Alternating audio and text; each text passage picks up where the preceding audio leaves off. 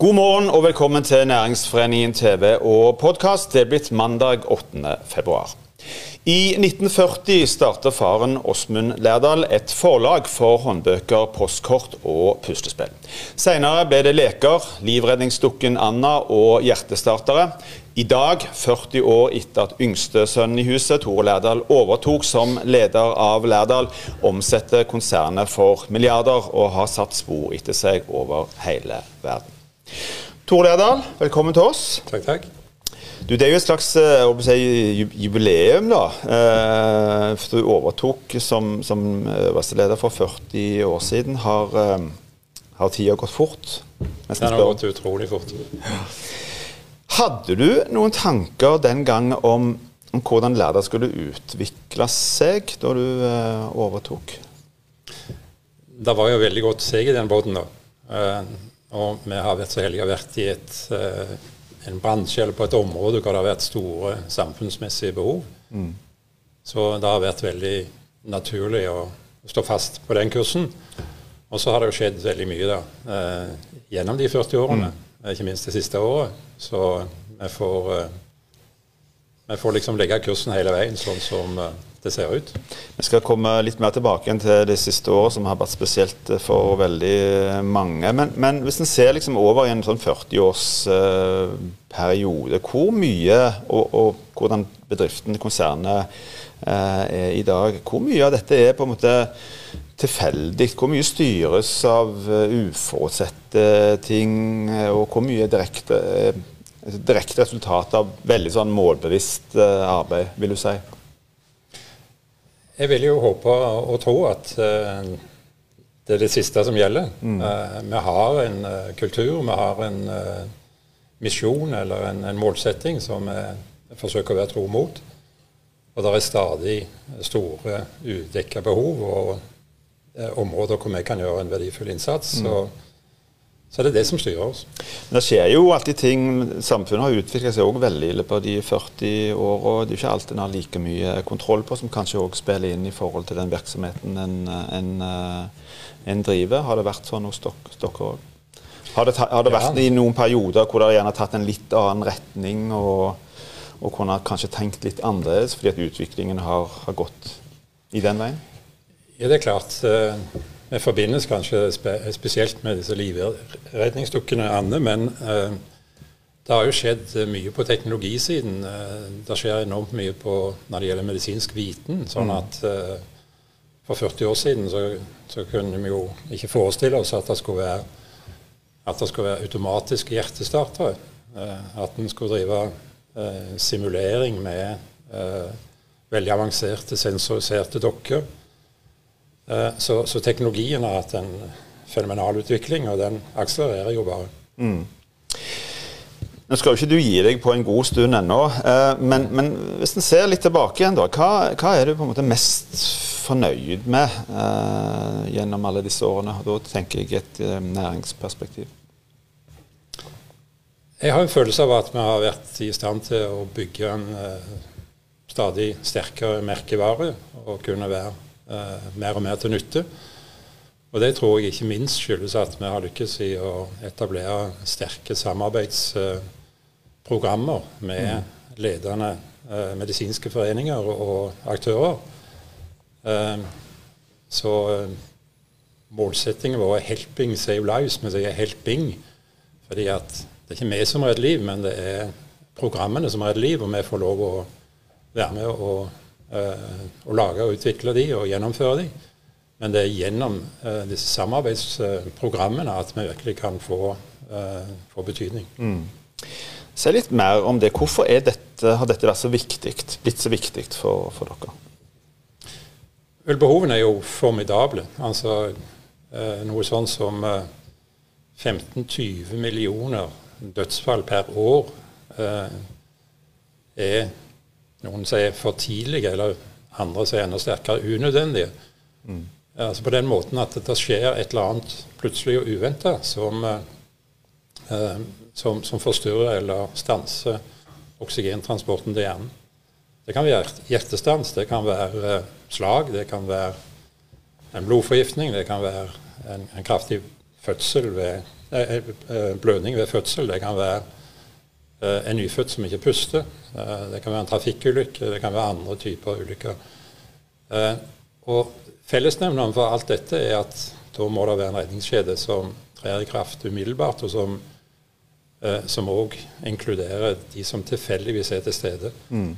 Så liksom hele jordens befolkning må læres opp til å håndtere denne situasjonen. Og det er det som er vårt innsatsfelt. Litt tilbake til forrige spørsmål. Jeg spurte deg om, om, eh, hva du er mest fornøyd med. Det er, jo, det er, jo, de som ikke liker å se seg tilbake igjen i det hele tatt. Men hvis du skal si noe om hva du, hva du er eventuelt er mindre fornøyd med, hva, hva ville du liksom gjort uh, annerledes sånn i etterpåklokskapens tegn? Er det noe? Ja, men jeg tror ikke det er sånn sort-hvitt at uh, det er suksess og det er fiasko. Uh, det er alltid en palett av uh, initiativer og tiltak. Så totalt sett så, så syns jeg vi kom greit ut av det. Historien taler vel for seg. og vi må alltid tåle at det er noe som kanskje ettertidens lys ville vurdert annerledes. sånn vil det alltid være. Mm. Så jeg mer opptatt av å se framover enn tilbake. Allikevel, hva, hva, vil du si at du har um, Altså En lærer jo så lenge en lever, er jo uttrykket. Hva har du sjøl lært? Hvordan har du eventuelt sjøl forandra deg uh, underveis? Og Da tenker jeg òg i forbindelse med, med den virksomheten som, som du har ledet. Ja, det er krevende spørsmål. Jeg, tror vel at en blir litt mer uh, rundere i kantene etter hvert, og, og, og litt mer uh, ydmyk, kanskje. Uh, lærer mer og mer å sette pris på dyktige medarbeidere, uh, og at dette er teamwork. Sånn vil det alltid være. Mm. Og da gjelder det å sette opp laget liksom, for at en sammen lykkes best mulig. Mm. Har det, har det noe med alder å gjøre? Altså, en, merker du det? At vi har litt andre opplevelser, andre følelsesregister, hva det måtte være. Altså En tenker litt annerledes. Fordi at en har, har, tross alt levd noen år og har, uh, har, lagt, uh, har en erfaring som vi drar med oss videre. Ja, nå skal jeg vokte meg for noe sånn livsvisdom, da. Jeg føler det er fortsatt lov, det.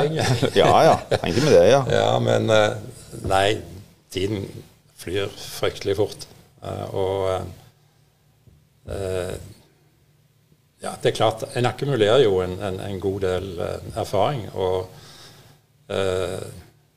og, jeg kjenner mer og mer at det er gjennom andre og sammen med andre at en oppnår resultater. og mm. Det tror jeg er det viktigste. Mm. Du, si litt om, om, virksomheten slik den er i dag. Altså dette, Vi kaller det for et konsern. Eh, det er et det er investeringsselskap, Lærdal Finans, Lærdal AS, som vel forvalter, eh, hvis jeg oppfatter riktig, opptjente midler fra driften av Lærdal eh, Medical. Som jo er et selskap som, som leverer det du har vært inne på, opplærings- og behandlingsutstyr for, for livreddende førstehjelp. Eh, hvordan fungerer dette i praksis? Ja, nå er vi jo et uh, familieselskap, og vi har gjennom flere tiår fått lov å ha en uh, en god inntjening, en nødvendig inntjening for å utvikle oss. Og eh, så lenge vi har eh, en masse aksjonærer på børsen og, og, betaler store utbytter, så har vi vært i stand til å konsolidere eh, bedriften hele veien. Mm. Og Det har ledet til at vi har opprettet et uh, medisinsk forskningsfond som gjør en betydelig innsats. Støtter inn på 2000 uh, ulike forskningsprosjekter uh, per nå. Vi har opprettet et uh, not for profit-selskap som heter Lærdal Global Health, som vi til dels subsidierer med betydelige midler mm. For å hjelpe til å redde liv i lavressursland. Og det siste vi har gjort, er å opprette et uh, investeringsselskap som heter Million Lives Fund, og som skal investere i, i spennende ny teknologi som kan komplettere det vi gjør sjøl for at vi skal få enda større slagkraft mot det djerve målet vi har satt oss, om mm. å bidra til å redde én million flere liv hvert år i 2030. Si litt nærmere om det. Hvorfor? Altså det, jeg skjønner jo hvorfor. Alle ønsker jo for så det i utgangspunktet å bidra til det. Men, men, hvorfor har dere satt dette målet? Og det er jo et uh, relativt ambisiøst mål? Ja, og jeg tenkte nokså lenge på det før vi tørde liksom å artikulere det, fordi at det kan jo høres påkjekt ut. Men, men, hele tiden så er dette ordet 'hjelpe' uh, det viktige. Og vi har en formidabel mulighet til å hjelpe uh, våre samarbeidspartnere, som kan være en amerikansk hjerteforening, som kan være Røde Kors, som kan være UNICEF, som kan være en jordmorforening, mm. til å være litt mer effektiv i det arbeidet de gjør for å lære opp og utstyre de som virkelig redder liv. Mm. Så vi har tatt dette målet om å uh, i noen sammenhenger kunne være en katalysator for at andre blir mer effektive i sitt arbeid. Så er det jo, eh, Du har jo reist mye rundt om i verden i forbindelse med arbeidet. Ikke så mye det siste året, det skal vi komme litt tilbake igjen til. Eh, hvordan vil du beskrive utviklingen og forskjellene mellom ulike deler av verden sett i sånn et helseperspektiv? Jeg spør om dette òg fordi, fordi, at det å redde liv kan litt, ha en litt annet utgangspunkt òg i noen land i forhold til andre kontinenter, hvor vi bl.a. i rike land sliter mye med type livsstilssykdommer osv. Hvordan, eh, hvordan eh, vil du vurdere den utviklingen og forskjellene som er? Det er jo voldsomt, det som skjer. Eh, men hvis vi ser over siste generasjon, altså de siste 30 årene, så er jo mødre- og barnedød, eller spedbarnsdødeligheten den er redusert med ca. 50% Det betyr at det dør altså en fem-seks millioner færre enn det gjorde i 1990. Mm. Eh, Gjennomsnittslevealderen er gått opp med innpå syv år. I noen land har den gått opp med 15 år i løpet av én generasjon. Eh, fordi at færre dør i ung alder. Så, så det er kolossale endringer. Eh, fattigdomsproblemet, eh, eller de som, andelen av jordens befolkning som, som lever under fattigdomsgrensen, er Eh, er redusert med over en milliard mennesker. Så vi hører ofte, og vi ser kanskje på det inntrykket når vi ser på Dagsrevyen, at eh, det er, det er død og elendighet. Mm. Eh, men, men, faktisk så er det en større fremgang enn det noen gang har vært i historien. Verden går mer fremover enn det vi kanskje av og til blir Absolutt. fortalt. Så jeg er litt mer opptatt av at glasset er halvfullt enn at det er halvtomt. Mm. Altså. Så må vi snakke om året vi har lagt bak oss. Um, I begynnelsen av fjoråret ble det kjent at et nytt virus var i ferd med å spre seg i Kina. Ett år etter de uh, siste tallene er det registrert nær 107 millioner smitta. Tallet på døde har passert 2,3 millioner. Hva tanker gjorde du deg når, uh, når uh, dette begynte å kanskje i spre seg til, til andre land for snart et år siden? Ja, det var jo, eh, og er fortsatt, eh, masse eh, spørsmål en stiller seg, og, og ting som er, som er, ukjent. Så vi vet jo ikke helt hvor dette barker. Men, men i min levetid så har det jo aldri vært noe tilsvarende. Mm. så det er all grunn til å stanse opp og Hadde du noen tanker om hvor alvorlig dette, dette kunne bli, eller kom det like holdt på å si, om ikke bardus, men i hvert fall eh, eh, Like overraskende for deg òg at det fikk så stort omfang. Jeg hadde jo gleden av å være her i det første mm. programmet som du hadde. Eh, da var det helt nytt. Eh, og eh, da var det enda mye mer usikkert enn i dag. Og for oss var det særlig dramatisk, for det var jo eh, brukerne av vårt utstyr. anestesileger, intensivsykepleiere det var jo de som, som, som uh, sto aller mest i krigen. Og vi så altså at sykepleierskoler uh, ble stengt ned, uh, legestudier ja, Det var òg fjernundervisning. Og Sånn er det jo faktisk fortsatt mange steder i verden. Så, så, dette var dramatiske endringer. Og det så for oss ut, for vår bedriftsdel, til å få veldig store konsekvenser de første månedene. Mm. Og så har det eh, merkelig nok uh, snudd. Uh, og vi endte opp med et bedre år i fjor enn enn de foregående årene. Det skal vi òg snakke bitte litt om. Men, jeg tenker, en ting vi må òg prate litt om, det er jo at da viruset begynte å spre seg i Norge, så, så ble det kjent at Lærdal Medical hadde utvikla en nødrespirator. en sak som fikk veldig mye oppmerksomhet, og i ettertid kritikk. Eh, hvordan ser du på, på, på det i ettertid? Jeg mener det riktige må jo være å vurdere det ut ifra situasjonen som den var. Og vi utvikla ikke noen nødrespirator. Vi eh, responderte på sterke oppfordringer eh, fra helsemyndighetene, fra Forsvarets forskningsinstitutt, om å bistå noen initiativer, og det var flere på gang, mm. slik at de kunne bli et, eh, ende opp i et mest mulig nyttig produkt. Og vi syns situasjonen var så alvorlig, vi som alle andre, at det var et samfunnsoppdrag å, å stille opp. Og det gjorde vi. Uh, ja, så det er historien. Og jeg syns vi gjorde det riktig. Jeg er stolt av det vi gjorde. Uh, og så, uh, heldigvis, så er det ikke blitt det verste scenarioet som dette planla for. Det var jo en mm. katastrofeinnsats, et prosjekt for en katastrofesituasjon. Uh, og jeg er veldig glad for at uh, den katastrofen ikke inntraff i det omfang som, uh, som dette tok mm. høyde for. Dere har jo heller ikke vært upåvirka av koronapandemien. Du var inne på det sjøl. På forsommeren så, så, bestemte dere for å sende ut permitteringsvarsel til alle ansatte. Ble senere trukket. Så ender året opp med at alle får en god bonus. hva, hva skjedde egentlig? Ja, vi... Det er litt interessant du, du sier det, for sånn, sånn, er det fremstilt i media før òg, at vi sendte ut permisjonsvarsel til alle ansatte.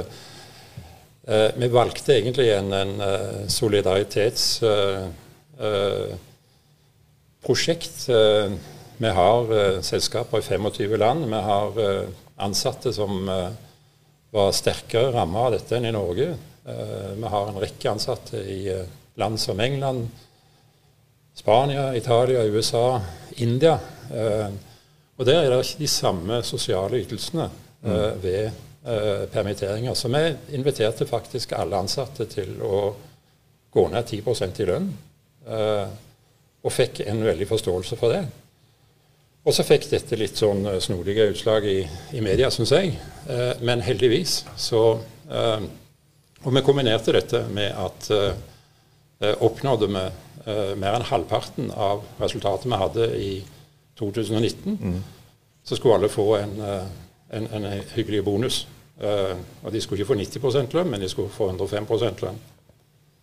Og uh, vi endte opp med at vi så salget snu i, før vi satte det i verk. Vi beholdt bonusen, men kuttet ut permisjonsvarsler. Og vi endte opp med et veldig hyggelig resultat, og alle fikk sin bonus. Og jeg tror alle er fornøyd. Vi begynner å nærme oss uh, slutten. Da er det alltid tid for litt sånn refleksjon. Hva, hva har vi lært, og hva, hva lærdom bør vi trekke av en, uh, den, en sånn type pandemi? Ja, at verden er uforutsigbar. Eh, det visste vi fra før av. Nå vet vi det enda bedre. Og, og, jeg tror ikke dette er over med uh, Ja, vi har jo sett det komme nye bølger. Jeg frykter òg det kommer nye pandemier. Så eh, tilbake til de nødrespiratorene. Selv om ikke de skulle være eh, behov for de i denne omgang, så kan de likevel nytte for seg i et, eh, i et eh, beredskapslager. Og de kan gjøre nytte for seg i bistandsprosjekter. Mm. Så jeg tror uh, en må ta høyde for at det er mye usikkerhet om den videre utvikling. enten det dreier seg om pandemier, eller det dreier seg om klima eller andre ting. Tor Lærdal, det var det vi rakk. Tusen takk skal du ha, og lykke til. Da er òg denne sendingen slutt. Takk for at du så på oss. Vi er tilbake igjen i morgen på samme tid. I mellomtiden, hold avstand, men ta godt vare på hverandre.